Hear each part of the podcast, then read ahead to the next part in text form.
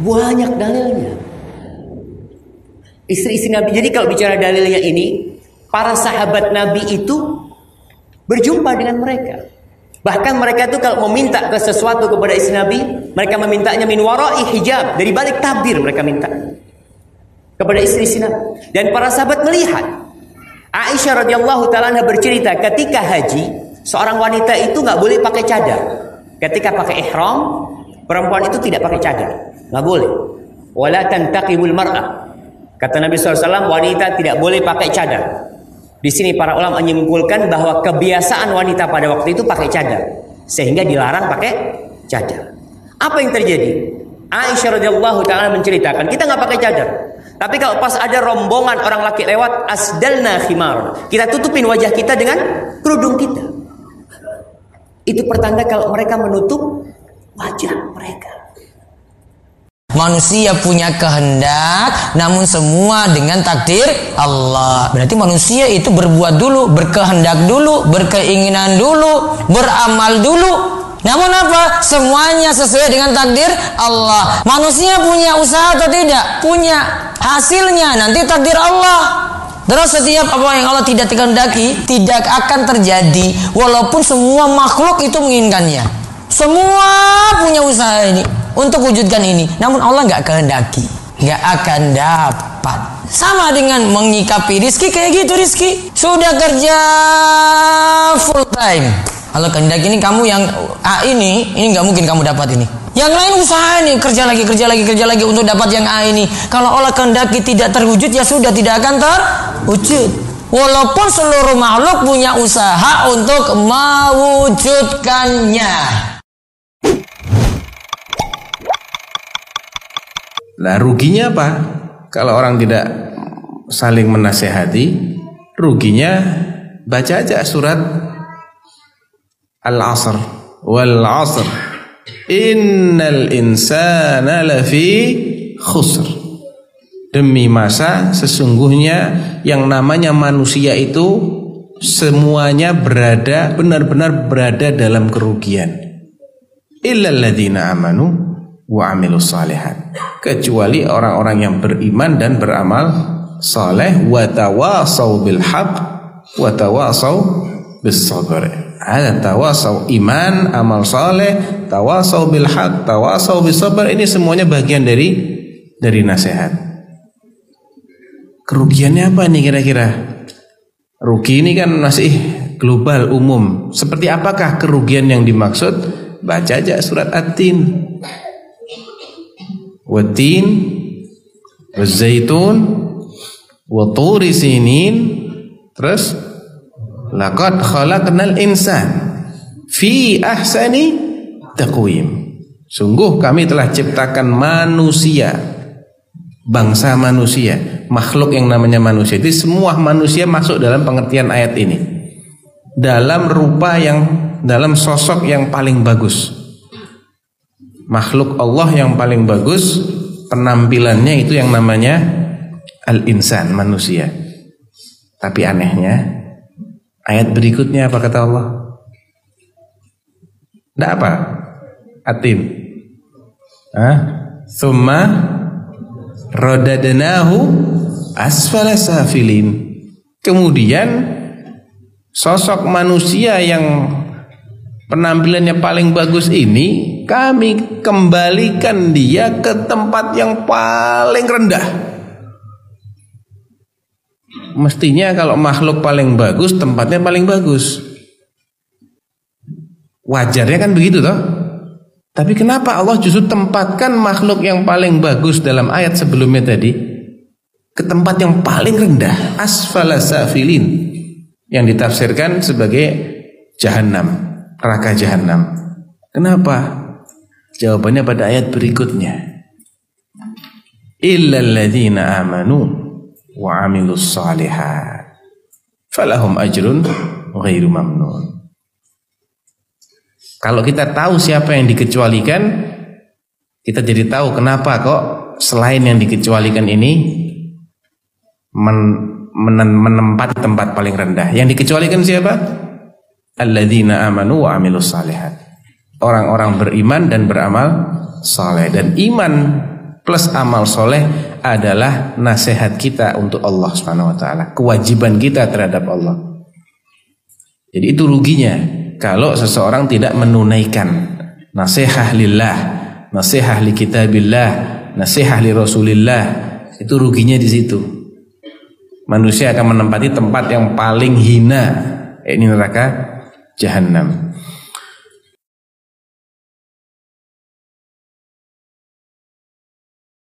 Masalah kiamat, masalah goib. Dapat berita, tuh Imam Mahdi muncul nanti tahun 2020. Sekarang usianya 39 tahun. Tahun depan 40 tahun, siap dibayat. Ngaur, gampang bantahnya itu. Dia baca dari WA dari Ustadz Fulan, kemudian Ustadz ini dapat berita dari Madinah, kemudian dari Madinah sana itu katakan bahwasanya ini Imam Mahdi benar ini. Ulama-ulama di Madinah juga ngaku demikian. Ini nggak usah gelisah dengan berita-berita kayak gitu. Itu berita aneh aja, nggak usah pedulikan itu. Skip aja bu. Orang Indonesia jauh-jauh cuma sumbernya WA coba lihat. Uang ulama di sana saya nggak pernah bicara kayak gini. Tanya saja sama ulama di Madinah itu di Masjid Nabawi banyak ulama. Akhir zaman itu pelajari dari hadis umum aja bu. Saya punya kajian sudah lengkap ada di website saya sudah tulis lama sekali. Itu nggak akan berubah itu tulisan itu. Karena sudah ada dalil-dalil banyak sekali. Ada saya bahas Imam Mahdi, ada Dajjal, ada turunnya Nabi Isa, lengkap itu. Sudah ada semuanya. Itu sudah dalil-dalil paten itu nggak bisa diutak-atik lagi dalil ini. Namun tidak ditentukan tahunnya tahun berapa nggak ditentukan. Jibril ketika bertanya pada Rasulullah SAW kapan kiamat itu datang. Ketika itu Rasul saja mengatakan bahwasanya yang bertanya dibanding dengan yang ditanya itu Rasulullah SAW tidaklah tahu. Dua-duanya nggak tahu. Rasul tidak tahu dibandingkan dengan Jibril juga Jibril juga tidak tahu. Maka menunjukkan perkara hari kiamat itu perkara apa? Gaib. Cuma sebatas tanda-tanda saja, Bu. Imani saja. Makin rinci imani lagi. Kalau tidak ada dalil, gak usah bicarakan, diam.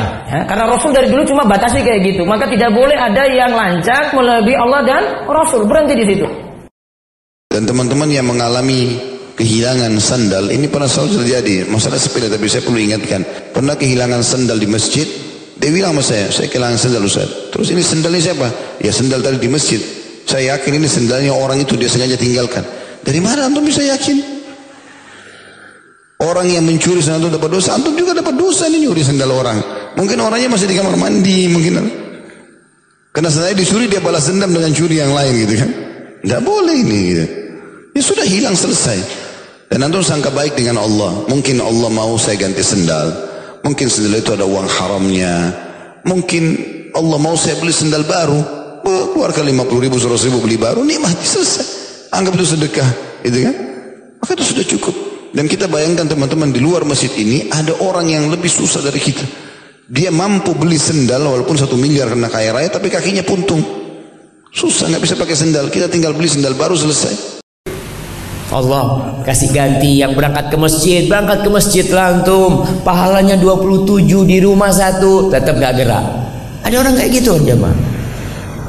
Pak di rumah itu bapak cuma dapat satu loh pak. Di masjid dapat berapa? 27 iya ndak apa-apa lah pak. Satu saya ini termasuk orang yang ya tidak berlebih-lebihan dalam beragama. iya dia anggap tuh orang yang ke masjid berlebih-lebihan ya. Rasul sallallahu alaihi wasallam pernah mau membakar rumah-rumah yang laki-lakinya nggak sholat ke masjid mau dibakar sama Nabi SAW. Tapi tetap orang-orang munafik gak ke masjid tetap ya mau dibakar rumahnya. Artinya dikasih reward gak ke masjid, dikasih ancaman gak ke masjid. A'udzu billahi minasyaitonir rajim wa man yabtaghi ghairal islami dinan falan yuqbala min wa huwa fil akhirati minal khasirin. Siapa yang coba-coba pilih selain Islam sebagai agamanya, maka tidak akan diterima darinya dan di akhirat dia termasuk orang-orang yang rugi. Demikian pula teman-teman sekalian Allah Subhanahu wa taala memerintahkan kita agar masuk dalam Islam ini secara keseluruhan. Tidak boleh kita menerima hukum yang kita sukai lalu kita tolak sebagian yang kita tidak sukai. Tidak boleh kita hanya memilih ya, yang wajib saja kemudian sunnah kita tinggalkan. Harus secara kafah, keseluruhan. Di Arab Saudi kejadian seorang anak dan ini masuk koran pada waktu itu nyata kejadiannya. Seorang anak di penjara gara-gara ingin berbakti kepada kedua orang tua. Kok bisa? Perhatikan baik-baik. Sang bapak punya hutang. hutangnya bapak tersebut sekitar 630 ribu real 630 ribu real kali 3 ribu rupiah sekitar miliaran maka bapak ibu saudara saudari yang dimuliakan oleh Allah subhanahu wa ta'ala kata sang anak bebaskan bapak saya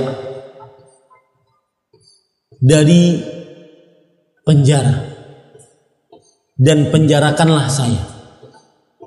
Saya yang menanggung seluruh hutang bapak saya. Dan bapaknya pun meninggal, anaknya pun akhirnya masuk ke dalam penjara. Ketika di pengadilan, sang hakim mengatakan, kamu punya berapa untuk bayar hutang bapakmu? Hutang bapakmu sebanyak 630 ribu rial. Kata dia, saya cuma punya punya duit 10 ribu.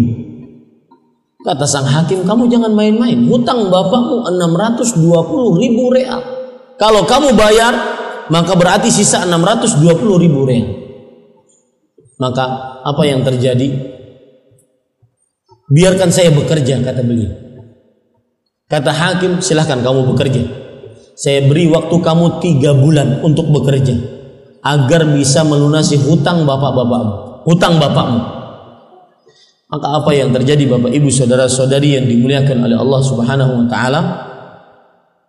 Sang anak tersebut pun terperanjat, "Wahai hakim, saya mendapatkan 10 ribu itu bekerja selama 10 tahun. Bagaimana saya dapat 620 ribu dengan dua tiga bulan. Akhirnya kata sang hakim bekerja. Itu urusan. Bekerjalah dia. Diceritakan dalam bekerja tersebut dia tidak lepas dari istighfar. Selama tiga bulan dia bekerja sambil terus beristighfar dia dapat 20 ribu. Luar biasa nggak? Yang tadi dapat 10 ribu real dalam 10 tahun.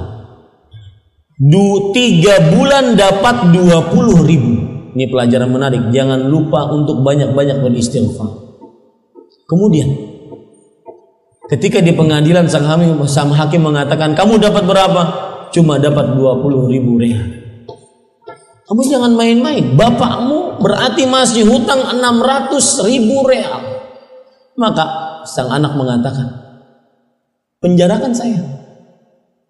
Saya berani. Teman pun yang lakukan maulid pasti tahu. Kapan sejarahnya? Tahun 230 Hijriah.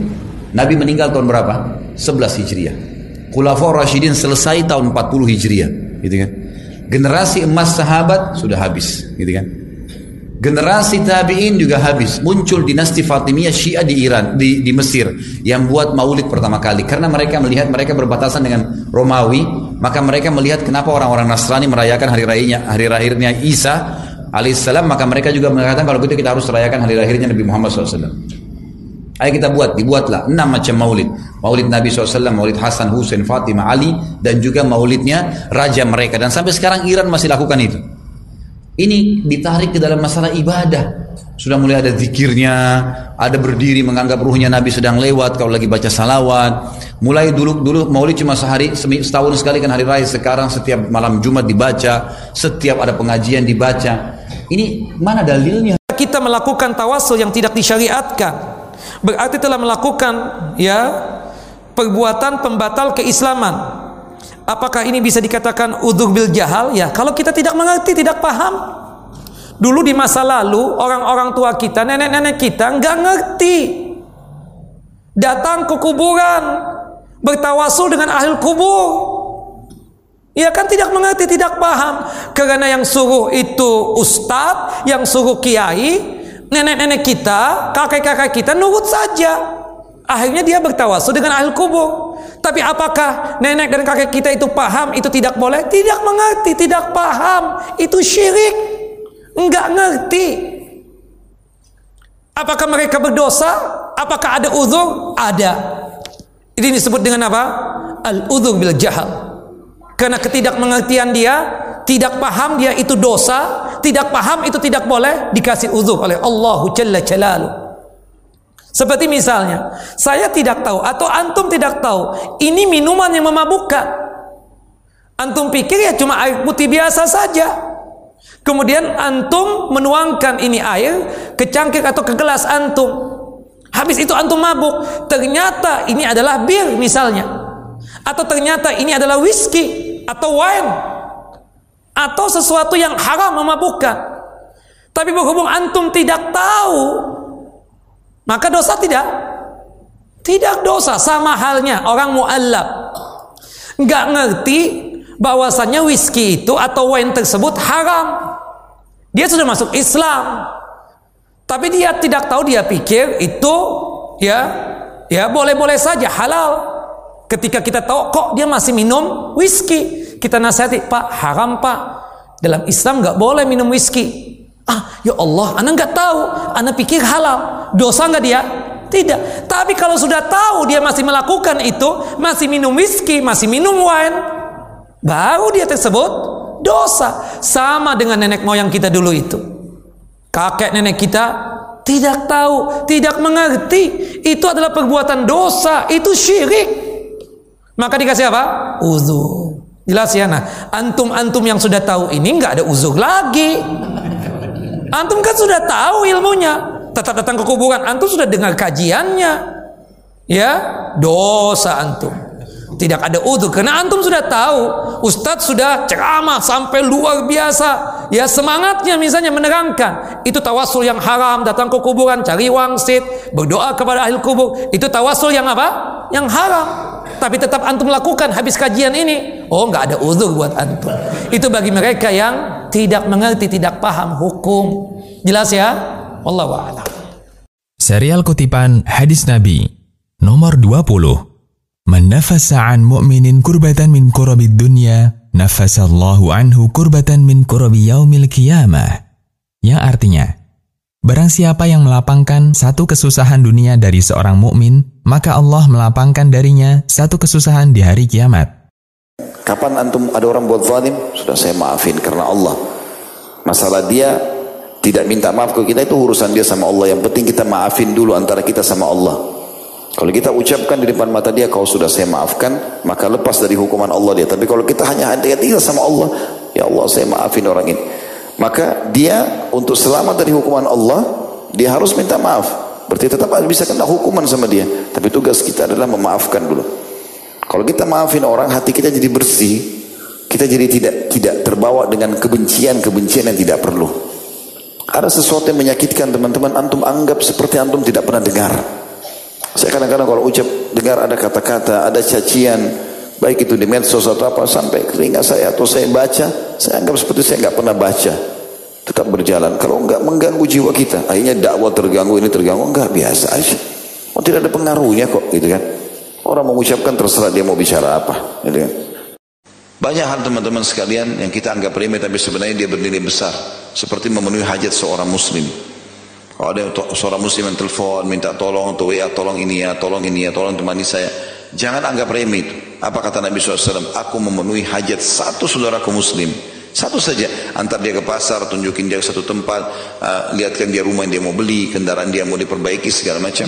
Kata Nabi SAW, aku memenuhi hajat satu saja saudaraku muslim, lebih aku cintai daripada aku beriktikaf satu bulan di masjid ini. Ditunjuklah masjid beliau alaihissalam. Beliau tunjuk masjid beliau. Itikaf di Masjid Nabawi teman-teman artinya mengikat diri lima waktu solat selain juga solat-solat sunnah duhanya, solat tahiyat masjid, solat udu, solat tahajudnya. Semua ini itikaf mengikat diri. Pahalanya satu kali solat seribu. Kalau berjamaah dikali, dikali 25 kali lipat, diangkat 27 derajat gitu kan. Sebulan itu luar biasa.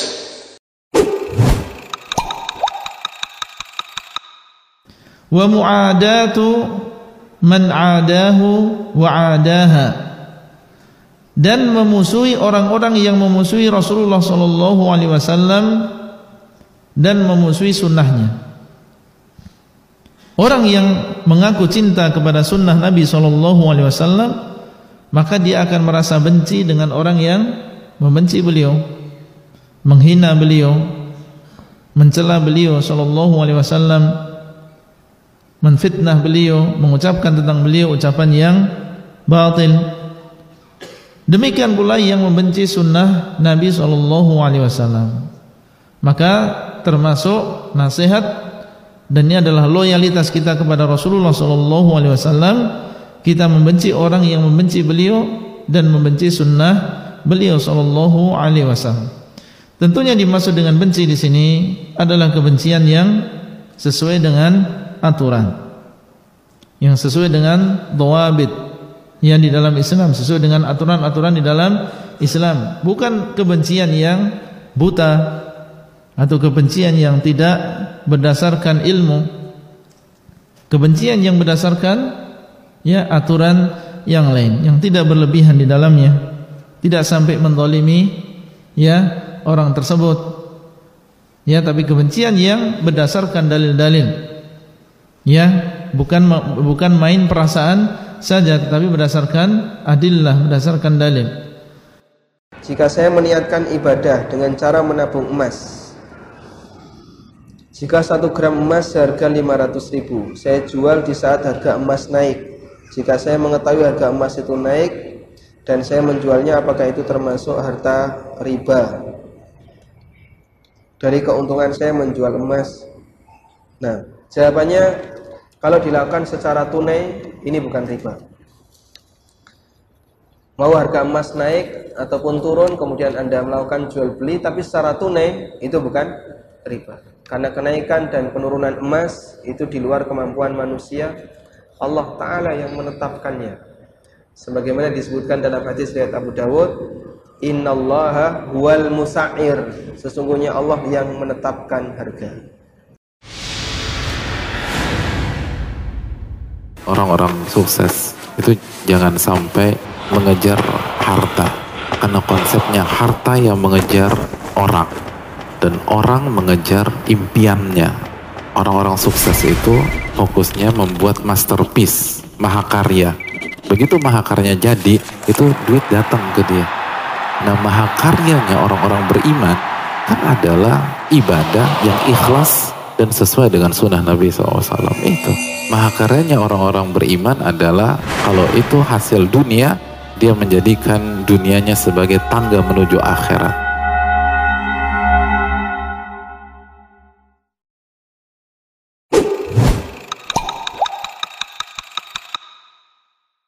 termasuk nasihat untuk Allah apabila kita mencintai seseorang mencintai dia karena Allah termasuk nasihat untuk Allah apabila kita membenci kita membencinya karena Allah. Artinya mencintai bukan karena dunianya. Mencintai bukan karena dia pernah berbuat baik kepada kita. Tapi kita mencintai fillah yaitu mencintai dia karena karena Allah. Melihat kesolehan dia ya melihat tauhid dia, melihat dia dekat dengan sunnah, maka kita mencintai dirinya. Semakin dia taat kepada Allah, semakin kita senang dengan orang orang tersebut. Meskipun terkadang mungkin dia tidak pernah memberi uang kepada kita, tidak pernah berbuat baik kepada kepada kita, atau mungkin kadang nggak pernah bertemu dengan kita. Ya kita lihat misalnya di uh, mendengar di radio atau melihat di televisi orang yang taat kepada Allah, kemudian kita cintai dia karena karena Allah padahal dia belum pernah berbuat baik kepada kepada kita maka ini termasuk bagian dari an-nasihatulillah mencintai seseorang karena Allah bukan karena dunia. Membenci dia juga karena karena Allah. Ya karena dia berbuat maksiat atau dia melakukan kesyirikan atau dia melakukan perkara yang tidak sesuai dengan sunnah. Kita membencinya karena Allah bukan karena yang lain. Maka ini adalah bagian dari an-nasihatu Sekarang diajarin bagaimana anak ini merasakan indahnya berbagi. Dia mama kita kasih duit 10 ribu. Dia mengatakan ini punyaku kata dia. Dia beli sesuatu, dia beli permen umpamanya atau beli es krim, oh ini punyaku. Iya, sudah kasih duit 10 ribu. Katakan kepada dia ini 10 ribu buat kamu, ini 10 ribu kamu belikan sesuatu bagi-bagi ke temanmu. Dia lakukan enggak? Dia lakukan. Karena dia merasa yang hilang bukan duitnya dia. Duitnya ibunya. Iya, dia bagi. Lama kelamaan akan tumbuh di diri dia kok enak berbagi. Dia akan bertanya, ibu nggak mau bagi-bagi sama tetangga. Subhanallah, karena kita membiasakannya. Maka tolong ada usaha membiasakan diri kita supaya jadi lebih baik.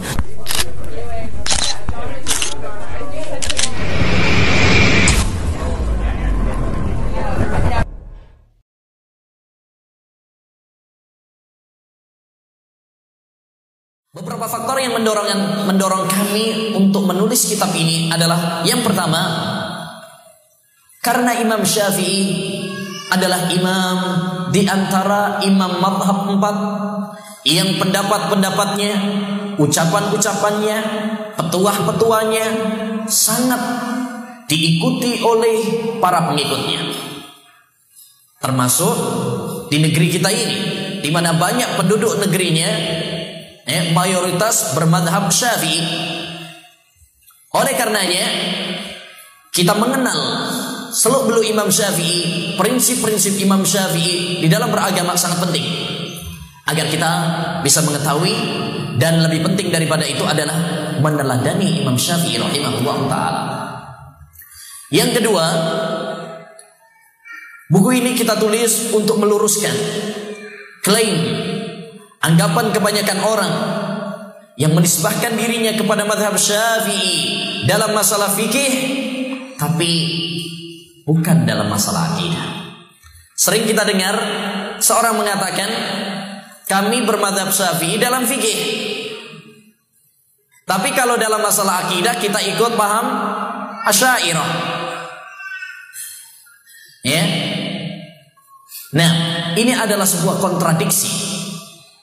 Bagaimana mungkin kita mengikuti Imam Syafi'i dalam fikih, tapi dalam akidah yang jauh lebih penting kita nggak mengikuti Imam Syafi'i? Ada apa? Apa Imam Syafi'i rahimahullah taala rusak akidahnya sehingga kita tidak ikuti? Ya. Dan Imam Syafi'i rahimahullah taala beliau tidak pernah berpaham asyairah di dalam hidupnya karena asyairah jauh setelah Imam Syafi'i rahimahullah taala. Maka semoga Allah merahmati al-Imam Abu Mudzaffar As-Sam'ani rahimahullah taala tatkala mengatakan dalam kitabnya Al-Intisar di Ashabil Hadis kata beliau tidak pantas bagi seseorang yang mengaku membela Imam Syafi'i rahimahullah taala dalam fikih tapi enggak membela Imam Syafi'i rahimahullah dalam masalah akidah. Ya. Yang ketiga, di antara faktor yang mendorong kami untuk menulis kitab ini adalah banyak orang menganggap bahwa manhaj salaf dicetuskan oleh Syekhul Islam Ibn Taimiyah atau Muhammad bin Abdul Wahab atau Al-Albani atau Ibnu Bas atau Ibnu Utsaimin atau yang lainnya. Maka dengan kita mengenal prinsip-prinsip agama Imam Syafi'i akan kita ketahui bahwa akidah ini bukan dicetuskan oleh Ibnu Taimiyah atau Muhammad bin Abdul Wahab atau Al-Albani atau Ibnu Bas karena Imam Syafi'i pun akidahnya sama. Para ulama dalam masalah akidah tidak ada perbedaan. Mereka satu iktikad, satu keyakinan. Mungkin dalam masalah fikih akan kita jumpai perselisihan yang banyak. Tapi dalam masalah akidah mereka satu kata. Tidak ada perselisihan di kalangan mereka. Tidak ada ulama satupun yang mengatakan Allah di mana-mana. Tidak ada satu ulama pun yang mengingkari azab kubur. Tidak ada satu ulama pun yang mengingkari nama dan sifat-sifat Allah Subhanahu wa taala. Mereka satu akidah, satu keyakinan. Ya. Adapun Albani, Ibnu Bas atau Ibnu Taimiyah, Muhammad bin Abdul Wahab, Imam Syafi'i, Imam Ahmad, mereka bukan pencetus akidah. Mereka hanya mengikuti Al-Quran dan Sunnah Nabi Sallallahu Alaihi Wasallam. Akidah bukan dari Muhammad bin Abdul Wahab. Akidah tidak dibikin oleh Ahmad bin Hambal atau Imam Syafi'i, tidak. Tapi diambil dari sumber aslinya, yaitu Al-Quran dan hadis Nabi Muhammad Sallallahu Alaihi Wasallam. Yang keempat, sekalipun sudah banyak buah karya dan tulis tentang seluk beluk Imam Syafi'i rahimahullah tapi masih jarang kitab yang membahas tentang prinsip-prinsip Imam Syafi'i dalam beragama. Mungkin sering kita akan dapati cerita-cerita Imam Syafi'i biografinya. Ya. Tapi jarang sekali ada buku ini setahu saya ada buku yang membahas tentang prinsip-prinsip agama Imam Syafi'i. Masih jarang. Oleh karenanya adanya kitab seperti ini mudah-mudahan Allah Subhanahu wa taala ya menjadikannya bermanfaat bagi kita semuanya karena seperti ini jauh lebih dibutuhkan daripada mengenal sekedar biografi Imam Syafi'i.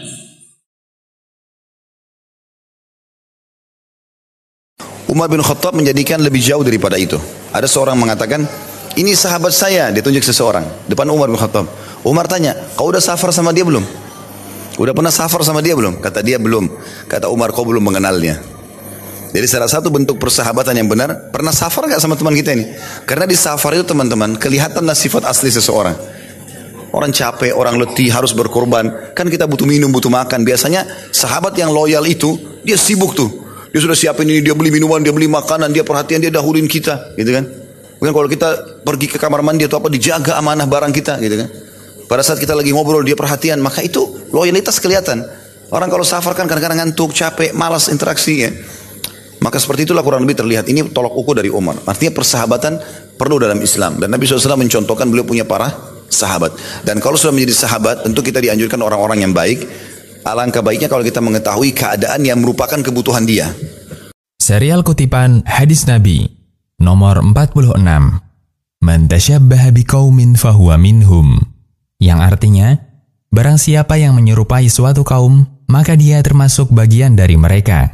Andai saja ada seseorang di antara kita kaum muslimin dia tidak mengakui kenabian Nabi Musa atau Nabi Isa alaihi wassalatu wassalam dia mengatakan Isa bukan nabi atau Musa bukan nabi kafir karena rukun iman kita adalah iman salah satunya kepada kitab-kitab dan rasul-rasul dan kita punya predikat muslim karena kita mengimani semua rasul-rasul itu berarti kita beriman kepada Allah subhanahu wa ta'ala dan ayat Al-Quran membicarakan masalah itu A'udhu billahi minasyaitonir rajim la nufarriqu baina ahadin min rusuli Tugas kita tidak akan membeda-bedakan di antara rasul-rasul tersebut. Dan baginda Nabi SAW bersabda dalam sebuah hadis Bukhari, perumpamaan aku dengan nabi-nabi sebelumku itu seperti orang-orang mengelilingi bangunan yang sangat indah, mewah sekali istana itu. Semuanya lengkap kecuali satu batu bata saja. Lalu orang-orang yang mengelilingi mengatakan, andai saja batu bata itu di saat diletakkan, maka akulah batu bata yang satu itu. Semuanya nabi-nabi punya agama yang satu. Islam. Itu nasyidullah bagi orang yang diri dia di masjid. Assalamualaikum warahmatullahi wabarakatuh. Bapak Ibu, mohon maaf saya dompet saya kehilangan. Saya khawatir dia nyecer di sini. Siapa yang ketemu tolong beritahu saya. Saya akan berikan kompensasi atau segala macam lah. Ya, atau handphone saya ketinggalan. Siapa yang lihat tolong beritahukan ke saya. Ini yang dilarang oleh Rasulullah SAW. Fakullah katakan Rasulullah mengatakan katakan kepada dia agar Allah tidak memberikan barang yang kau cari. Sama juga orang yang diri di masjid, Assalamualaikum warahmatullahi wabarakatuh. Saya ada rumah yang mau dijual, silahkan yang mau hubungi saya. Itu sama dengan itu. Haram hukumnya. Atau sama juga dia mengatakan, saya dekat musibah, siapa yang punya kelebihan rezeki tolong bantu saya. Sama dengan itu dia haramkan. Jelas? kita tinggalnya jauh dari orang tua, ya kita harus terus hubungan dengan orang tua, apakah telepon, SMS, kirim surat, dan juga berkunjung. Orang tua itu ingin melihat kita, karena dia yang ngurus kita sejak kecil. Datangnya kita kepada orang tua, senang orang tua, meskipun kita nggak bawa apa-apa. Orang tua ketemu lihat anak itu senang sudah. Makanya kita usahakan setiap hari atau setiap pekan ketemu dengan orang tua. Kalau jauh, ya mungkin kita mungkin soal biayanya, ya kita usahakan. Kalau bisa sebulan sekali. Kalau sampai setiap id, ya terlalu lama. Kalau setiap tahun baru pulang ke orang tua, kelamaan. Bahkan kadang-kadang anak-anak itu berusaha yang orang-orang yang soleh ya, berusaha bagaimana cari pekerjaan yang dekat dengan orang tuanya. Karena apa? Dia ingin berbakti pada orang tuanya. Karena dengan berbakti pada orang tua jalan menuju sorga. Kesempatan. Jadi anak laki-laki itu dia harus dekat dengan orang tuanya. Kalau perempuan ikut kepada suami. Orang anak perempuan ikut kepada suami. Dan dia wajib taat kepada suaminya. Kalau anak laki-laki, kewajiban dia kepada orang tuanya. Makanya harus dekat dia dengan orang tua. Karena orang tua membutuhkan dia. Apalagi kalau dia sudah sudah lemah, sudah tua. Kesempatan itu jalan menuju surga. Maka antum bikin jadwal bagaimana mengunjungi orang tua selalu, bukan teman. Ya, bukan yang lain, orang tua nomor satu. Gitu. Bagaimana kita setiap hari ketemu orang tua atau setiap pekan atau setiap bulan jadwalkan itu. Hatta biaya yang kita keluarkan besar Allah pasti akan ganti karena kita ingin berbuat baik pada orang tua kita. Menikah ini kata Nabi SAW, an nikahu sunnati, waman ragiba an sunnati falaysa minni. Nikah termasuk bagian dari sunnahku, artinya aku sangat tekankan, maka siapa yang menolak sunnahku bukan dari golonganku. Oleh karena itu, yang saya ingin ditiberatkan dalam pembukaan adalah keikhlasan dalam menjalankan rumah tangga. Bagi antum sini laki-laki yang sudah berumah tangga, ingatkan istri sebentar pulang. Kita niatkan ini karena Allah SWT. Semuanya pun, kalau kita sedang mengingatkan, mengingatkan karena Allah. Kalau bersalah, minta maaf juga karena Allah. Sehingga rumah tangga itu menjadi gerbong yang benar-benar membawa kita ke dalam surga. Maka bagi para wanita, ingat kata Nabi SAW ketika memilih pasangan hidup. Apa kata Nabi SAW? Idza ja'akum man tardawna dinahu wa khuluquhu fa'ankih. Apabila datang kepada kalian seorang lelaki yang agamanya baik, yang kalian ridhoi dengan ridho dengan agamanya, ridho dengan akhlaknya, bukan cuma agama. Lihat, masya Allah Ustaz, agamanya bagus Ustaz. Antum tahu dari mana? Jenggotnya panjang Ustaz. Oh, masya Allah. Jadi pokok jenggot panjang agamanya bagus. Lihat ibadahnya. Nah, mungkin penampilan sesuai dengan sunnah. Lihat akhlaknya. Apabila yang akhlak dan agamanya baik, nikahkan. Kalau tidak akan terjadi kerusakan di muka bumi ini. Jamaah. Meninggalkan tugas untuk mengikuti kajian, ketahuilah ilmu yang didapatkan tidak berkah. Saya sering mengingatkan kepada jamaah kalau kajian di hari kerja dan di jam kerja. Saya katakan ada di sini ibu-ibu, biasanya kajian ibu-ibu yang sering. Ibu-ibu yang kerja ada ustad, udah keluar, pergi berangkat kerja kembali. Ini anda diamanahkan untuk hal ini. Walaupun anda mengatakan saya siap potong gaji, bukan masalahnya potong gaji, masalahnya adalah perintah Allah Azza wa Jal ya ayyuhalladzina amanu aufu bil uqud wahai orang-orang beriman penuhilah akad kalian anda kita akad dari jam 8 sampai jam 4 sore berada di tempat di ruangan kerja berada di sana berada di sana setiap muslim tidak menyia-nyiakan peluang amal soleh walaupun cuma nasihat contoh misal ada orang tanya di mana alamat masjid Nurul Bahar oh di situ hanya tunjukin dia ikut ta'lim dua jam, kita panen pahala. Nggak ada susahnya. Gitu. Selama kebaikan, ini alamat ini di mana? Saya mau silaturahim keluarga saya. Oh, lurus belok kanan. Yang seterusnya kita tunjukin sampai dia dapat. Selama itu kita panen pahalanya dia selalu silaturahim. Yang penting jangan tunjukkan kemaksiatan. Karena hadis ini ada dikuatkan hadis lain ya. Dan siapa yang menunjukkan pada keburukan dia akan panen dosa pelakunya tanpa dikurangi sedikit pun. Oleh yang tanya di mana diskotik, saya tidak tahu. Tanya orang lain. Jangan tanya saya. Mana karaoke itu? Tanya orang lain. Kalau tanya masjid, majelis ta'lim, tanya pasar dia mau belanja, masuk akal, tunjukin. Kalau enggak, enggak. masuk dalam makna ini adalah memberikan masukan-masukan positif pada orang lain. Misal teman-teman sukses di satu bidang. Berbagi ilmu teman-teman sekalian. Bagi ilmu itu. Jangan merasa, oh saya nggak boleh bagi ini. Keberkahan ilmu itu teman-teman pada saat kita praktikkan. Bahkan subhanallah para praktisi ilmu agama ini, kalau dia praktikkan dalam hidupnya, maka biar kita tidak ngomong itu sudah bisa jadi dakwah. Bisa jadi dakwah. Misal, Bapak Ibu rutin puasa Senin Kamis. Rutin kita puasa saja. Walaupun kita tidak ceritakan ke orang, kadang-kadang mungkin ada orang yang mau jamu kita, tapi dia tahu kita puasa. Mungkin menjadi penyebab hidayahnya. Malah dia jadi bertanya, kenapa puasa ya? Atau mungkin dia baca, apa ini orang kok puasa Senin Kamis, kenapa? Dibaca, lalu kemudian dapat petunjuk. Sering kali terjadi begitu. Ya. Apa yang kita lakukan itu Allah berikan keberkahan sehingga menjadi contoh bagi orang.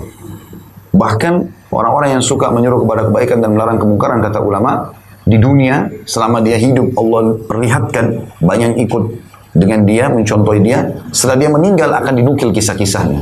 Makanya kita temukan banyak sekali kisah orang-orang soleh yang sampai kepada kita sekarang. Bahkan kisah para sahabat yang sangat masyhur. Ya. Dulu para penyanyi di masa sahabat dihukum.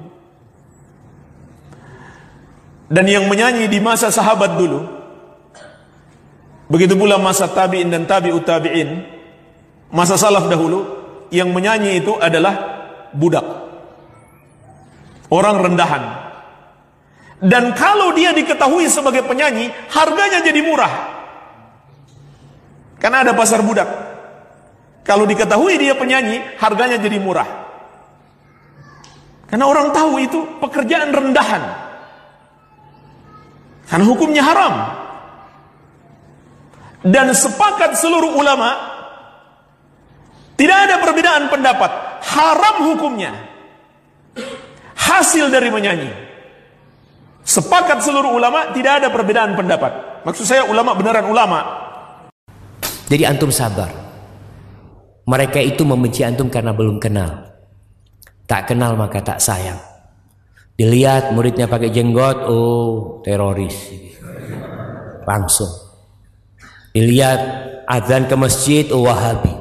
Wahabi. Loh, jadi iya cingkrang dilihat, aduh.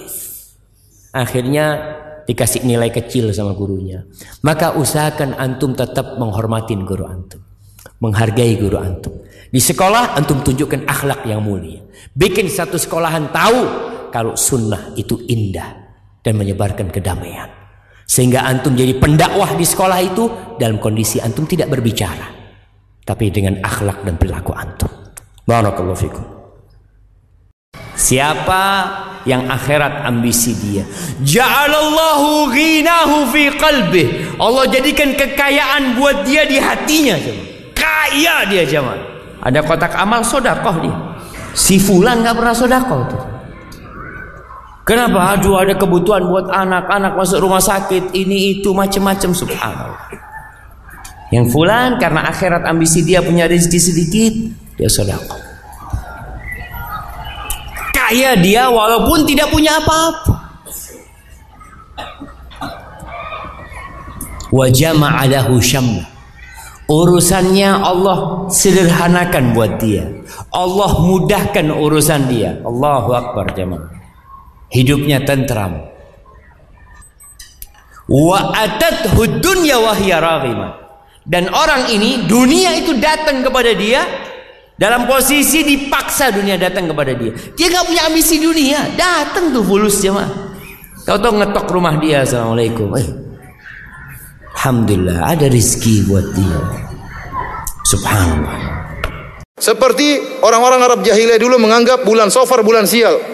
Sekarang kaum muslimin juga ada menganggap demikian, menganggap Rabu terakhir di bulan Safar adalah hari apa? Sial, sehingga harus bikin sholat anti bala atau macam-macam. Ini adalah adat jahiliyah. Menganggap hari tertentu, hari Rabu di akhir bulan Safar adalah hari yang sial. Ini adat jahiliyah. Rasulullah SAW pernah bantah dalam satu hadis. Rasulullah SAW mengatakan, la Safar, tidak ada kesialan dalam bulan bulan sial. Dalam bulan Safar. Tidak ada kesialan dalam bulan bulan Safar. Kalau ada orang memberi pada saat orang minta, ya, itu namanya orang baik. Tolong kasih saya, tolong pinjamin saya, saya lapar, saya minta baju itu, kita kasih. Orang baik. Tapi belum dikatakan karam. Karam itu orang minta nggak minta dia kasih. Ada orang gitu. Siapa tamunya datang, dibungkusin macam-macam, dikasih baju. Orang nggak minta, dikasih semua. Itu namanya orang karam. Ini sifat yang mulia, dermawan sekali. Jadi dia nggak perlu tahu orang itu butuh atau tidak butuh.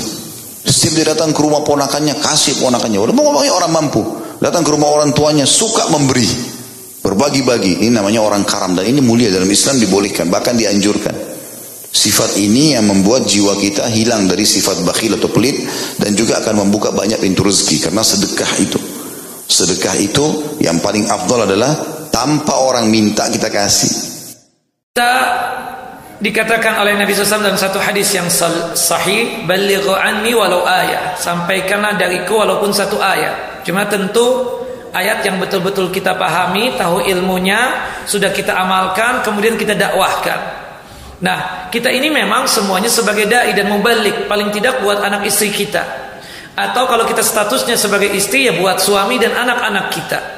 Makanya Allah Jalla wa ala mengingatkan kepada kita dalam surah At-Tahrim surah ke-66 ayat yang ke-6, "Ya ayyuhalladzina amanu qu anfusakum wa ahlikum nara."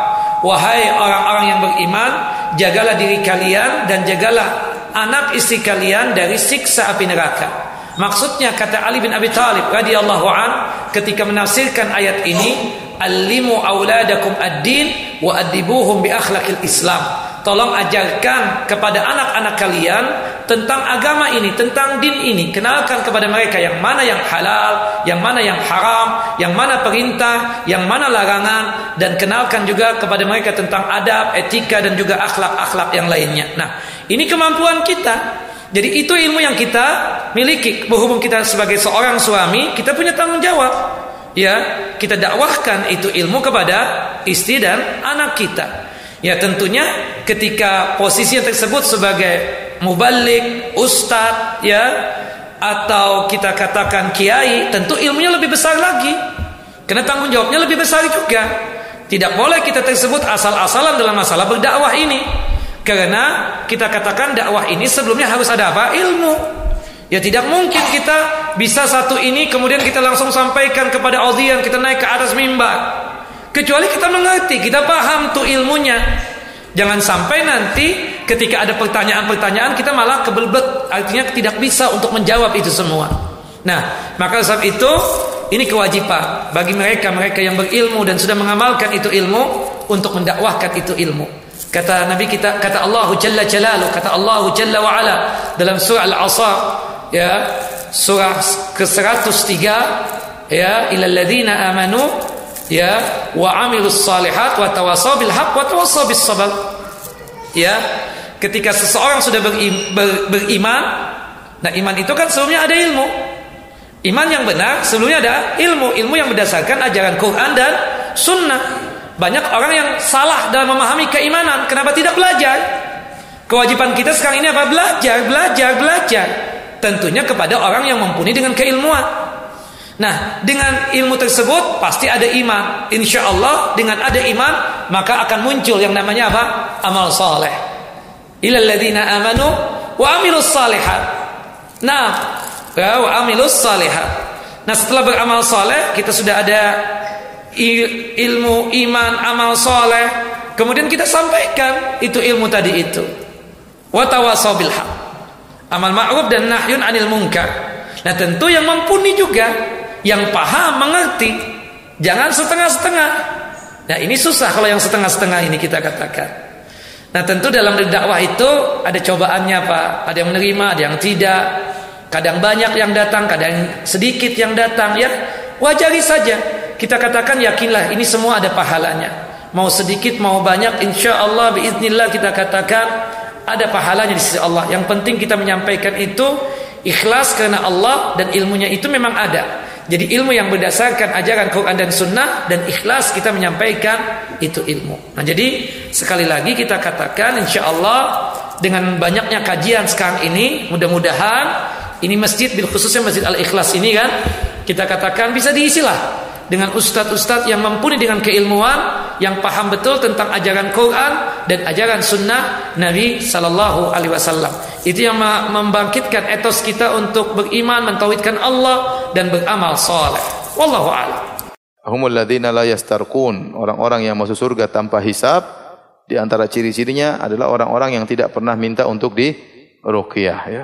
Uh, hadis ini dibawakan oleh sebagian ulama seperti Syekh bin Bas rahimahullahu taala Uh, artinya orang sedikit-sedikit minta rukyah, sedikit minta rukyah, maka itu tidak masuk surga tanpa hisab. Tapi kalau orang dalam kondisi darurat dan dia perlu untuk dirukyah, maka tidak mengapa. Maka tidak mengapa kata Syekh bin Bas, karena Nabi pernah menyuruh sebagian sahabat untuk minta rukyah ya seperti ibunya istrinya uh, anak-anaknya Ja'far bin Abi Thalib waktu itu ada terkena penyakit maka Nabi menyuruh ibu mereka yaitu Asma binti Umais untuk minta merukyah anak-anak mereka Ya, demikian Nabi pernah menyuruh Aisyah untuk minta diruqyah. Jadi kalau dalam kondisi darurat tidak mengapa seorang minta untuk diruqyah. Ya.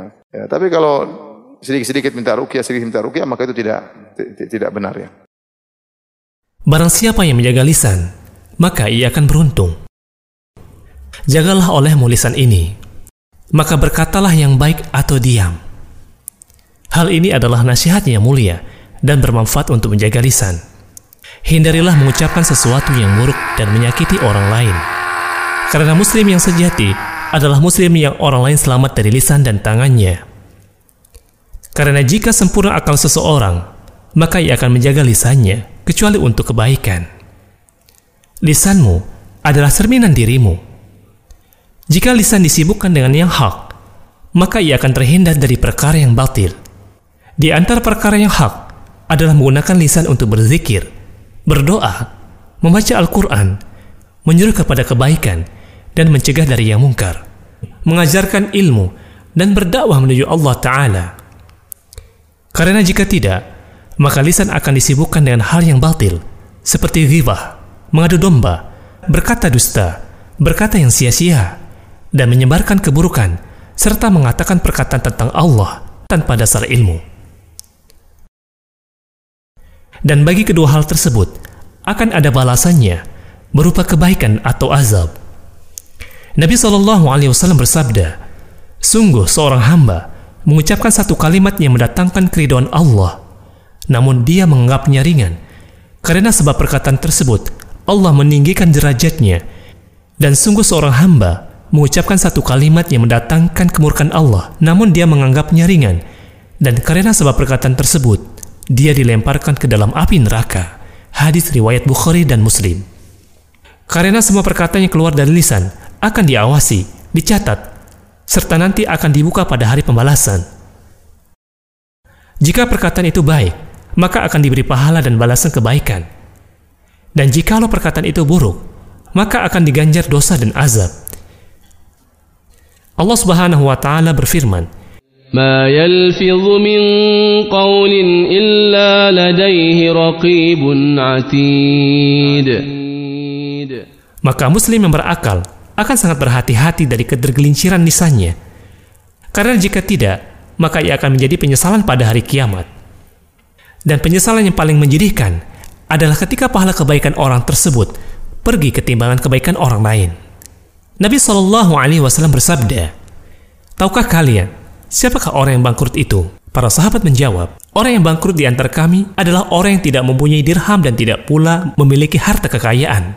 Rasulullah Shallallahu Alaihi Wasallam pun menjelaskan, sesungguhnya orang yang bangkrut dari kalangan umatku adalah orang yang datang di hari kiamat nanti dengan pahala amalan sholat, puasa, dan zakat, namun ia selalu mencaci maki, menuduh, memakan harta, menumpahkan darah, serta memukul orang lain maka diberikanlah bagian dari pahala kebaikannya untuk orang-orang yang ia sakiti tersebut. Apabila pahala kebaikan miliknya telah habis sebelum terpenuhinya pembalasan atas perbuatan zolimnya, diambillah dari dosa-dosa mereka, kemudian dialihkan kepadanya, lantas ia pun dilemparkan ke dalam api neraka.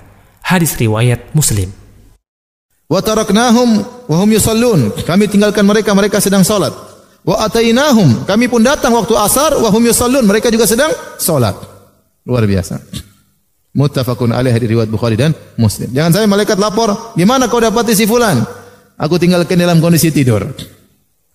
Aku datangi dia dalam kondisi nonton YouTube. nonton film di internet. Wal musta'an. Sekarang musibah zaman sekarang, semuanya orang sibuk dengan hiburan. Hiburan yang melalaikan. Film-film yang isinya aurat terbuka. Susah ya. Tapi ya kita berusaha bertakwa kepada Allah. Kalau kita bermaksiat segera bertobat kepada Allah Subhanahu wa taala. Ke mana aja kita naik pesawat juga ada film. Kita nggak nonton film sebelahnya muter film.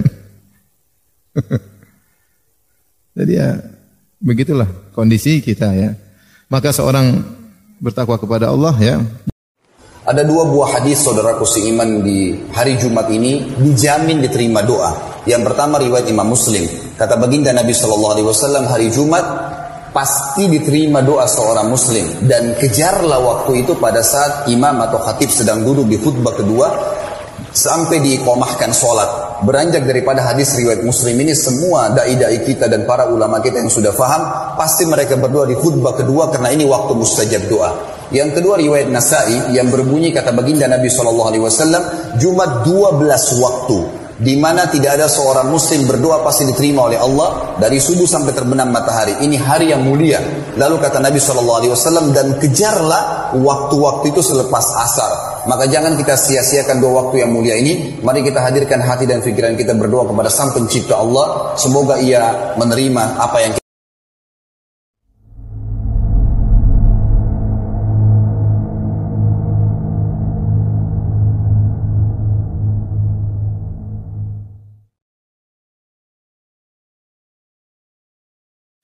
Siapakah orang yang pertama kali dihempaskan ke dalam api neraka?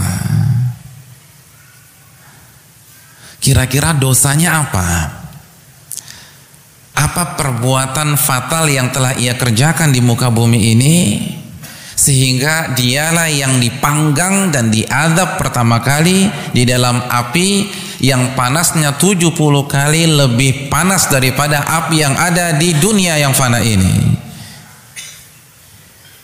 Mungkin ada yang berpikir kayaknya berzina itu Ustaz. Korupsi. Ternyata tidak. Nabi mengatakan awalu ma yuqda alaihi yaumal qiyamati thalatha. Yang pertama kali akan dihisap dan tidak akan dilemparkan ke dalam api neraka. Ada tiga golongan. Yang pertama apa?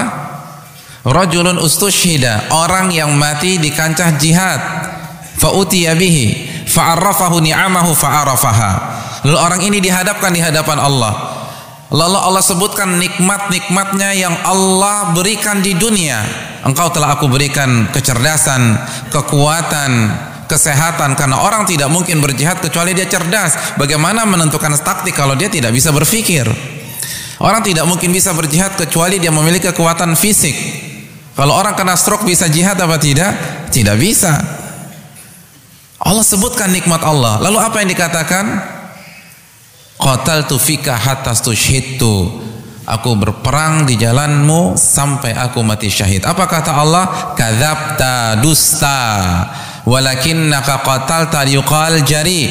Namun pada hakikatnya engkau berperang agar dikatakan pahlawan faqadakil dan gelar itu telah engkau dapatkan. Fa umira bihi. Lalu Allah panggil malaikatnya. Fasuhiba ala wajhi hatta lalu orang ini diseret dengan wajah yang ada di bawah sampai dilemparkan di dalam api neraka Na'udzubillah min dzalik. Lalu orang yang kedua, wa rajulun ta'allamal ilma wa 'allamahu wa qara'al Qur'an. Yang kedua, simak baik-baik hadirin sekalian. Karena orang yang kedua ini amalannya adalah amalan yang kita lakukan pada detik ini. Orang yang kedua ini mempelajari ilmu agama, lalu mengajarkannya dan membaca Al-Qur'anul Karim. Fa'utiya bihi fa'arrafahu ni'amahu fa'arafaha. Lalu orang ini dihadapkan di hadapan Allah. Lalu Allah jelaskan nikmat-nikmat yang Allah berikan kepada dia. Aku telah berikan engkau kecerdasan. Daya ingat yang kuat karena untuk menuntut ilmu agama butuh kecerdasan. Untuk menghafal Quran butuh daya ingat yang kuat. Engkau telah aku berikan suara yang merdu karena untuk menjadi qari suaranya harus merdu. Kalau cempreng bisa jadi qari apa tidak? gak bisa untuk apa engkau gunakan nikmat tersebut? Dengan bangganya orang ini mengatakan ta'allamtul ilma wa 'allamtuhu wa qara'tu fikal Qur'an. Aku mempelajari dan mengajarkan ilmu agama, membaca Al-Quran semata-mata untuk mencari ridhamu. Apa kata Allah? Kadzabta, dusta, bohong. Walakinnaka ta'allamtal ilma wa 'allamtahu liyuqal alim. Namun sejatinya engkau mempelajari dan mengajarkan ilmu agama agar dikatakan alim, ulama, ustaz, tuan guru dan engkau membaca Al-Quran agar dikatakan qari faqadqil dan gelar itu telah engkau dapatkan di dunia. Fa umira bihi fasuhiba ala waj'atahu al finnar.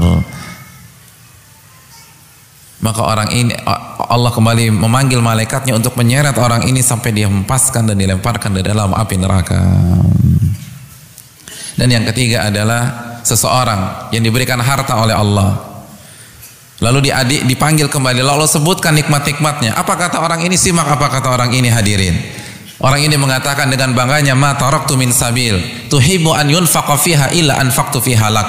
Aku tidak pernah meninggalkan satu jalan kebaikan pun yang engkau ridhai, yang engkau cintai kecuali aku dermakan hartaku di sana. Tidak ada satupun fakir miskin yang mengetuk pintu rumahnya kecuali ia berikan infak dan sedekah. Tidak ada satupun proposal yang mampir ke meja kerjanya kecuali ia bantu acara tersebut. Tidak ada satupun anak yatim yang membutuhkan uluran tangan kecuali dia menjadi orang tua asuh. Semua jalan kebaikan itu uangnya ada di sana. Lalu apa kata Allah? Kadzabta dusta walakinnaka namun pada sejatinya engkau melakukan hal tersebut agar dikatakan jawat, agar dikatakan dermawan, fakadakil dan gelar itu telah engkau dapatkan. Akhirnya Allah perintahkan kembali malaikatnya untuk melemparkan dia ke dalam siksa api neraka.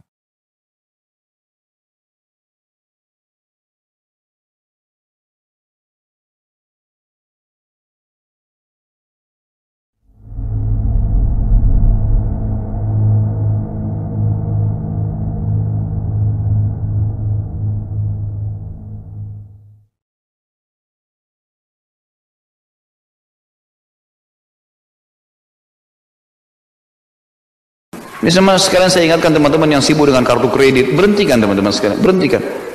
Antum bilang, oh ini 0%, baik 0% teman-teman sekalian. Setelah itu, kalau antum telat, ini malam jam 12 malam terakhir pembayaran, antum telat satu menit, jam 12 atau satu menit, kena bunga nggak? Kena bunga. 50 ribu, ya saya mampu bayar. Baik, satu dirham riba lebih berat daripada 36 kali berzina. Untuk apa? Tutup itu teman-teman sekalian, karena itu membuka pintu utang.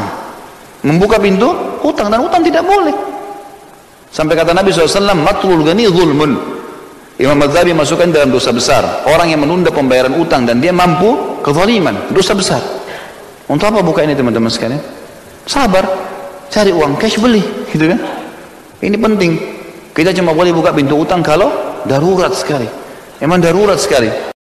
Maka teman-teman yang cari kerja sana sini, kuliah 4 tahun, dapat ijazah, setiap hari kerjanya buka iklan kerja. Ya, daftar dia. Ditolak. Ada yang pendaftarnya 100 yang diterima cuma 5. Apa yang antum lakukan? Istighfar. Banyakin istighfar. Terus istighfar. Kebanyakan kita itu cari lobby. Nyogok Syarat pertama takwa.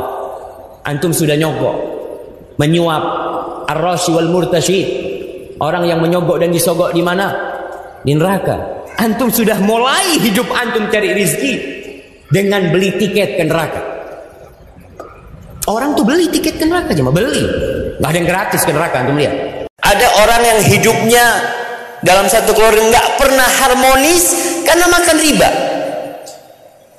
Setiap akhir bulan mesti ribut. Kenapa? Gimana nih? Apa yang mau kita jual?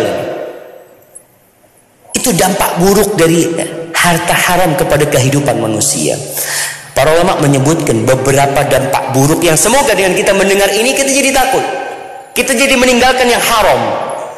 Gak berpikir lagi Ustadz nanti anak kerja di mana? Allahu Akbar. Ketika kau di perut ibumu, Siapa ngasih makan kau? Kan Allah. Kenapa ketika kau meninggalkan yang haram kau takut Allah nggak ngasih makan sama kau? Kau takut keluargamu terlantar, jangan takut. Nggak akan orang itu mati kecuali rizkinya sudah sempurna. Pernah suatu hari Abu Hurairah radhiyallahu taala anhu di kota Madinah, beliau masuk ke pasar Lalu beliau mengatakan ya ahla suq ma'jazakum. Wahai orang-orang yang di pasar. Wahai pedagang-pedagang yang di pasar ini, betapa bodohnya kalian. Betapa lemahnya kalian. Orang pasar pada datang bertanya, "Apa Abu Hurairah? Ada apa? Ada apa nih?" Mirathu Rasulillah sallallahu alaihi wasallam yuqsamu fil masjid wa antum hahuna itu warisannya Nabi Muhammad sallallahu alaihi wasallam sedang dibagi-bagi di masjid kalian sibuk ada di pasar itu orang pasar semuanya rebutan bersegera menuju ke masjid. Sama Abu Hurairah ditunggu di pasar. Karena yakin orang pasar bakal balik. Dapat berapa menit balik semua.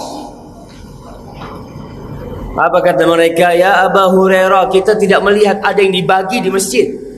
Nggak ada warisan yang sedang dibagi. Apa yang kalian lihat? Ra'aina qauman yusallun. Kita lihat ada sebagian orang yang sholat, sebagian orang berzikir, baca Quran, sebagian orang ngaji, belajar ilmu. Apa kata beliau? Zaka Rasulillah. Itu tuh warisan Rasulullah sallallahu alaihi wasallam. Wa innal anbiya lam yuwarithu dinaran wala dirham. Para nabi itu tidak mewariskan emas dan perak. Emas dan perak itu warisan Korun, warisan Fir'aun, warisan Namrud. Para nabi tidak mewariskan emas dan perak. Wa innama warrathul ilm. Yang diwariskan oleh para nabi itu ilmu, ilmu agama ini jemaah. Faman akhadahu akhadha bihadzin wafir. Siapa yang ngambil itu ilmu, maka dia ngambil keberuntungan yang besar sekali jemaah. Tugas orang tua. Apakah sudah orang tua mendidik anaknya untuk mendirikan sholat? Allah Jalla Jalaluh mengatakan wa'mur ahlaka bis salati wastabir 'alaiha. Suruh keluargamu sholat. Suruh istrimu, anakmu sholat. Dan sabar ketika engkau menyuruh mereka sholat. Penghuni neraka ketika ditanya masalakakum fi saqar? Apa yang menyebabkan kalian berada di neraka sakor apa jawab mereka? Lam naku minal musallin. Kita bukan termasuk orang-orang yang mendirikan sholat lalu sebagian kita meremehkan sholat yang lima waktu. Merasa udah jadi orang baik.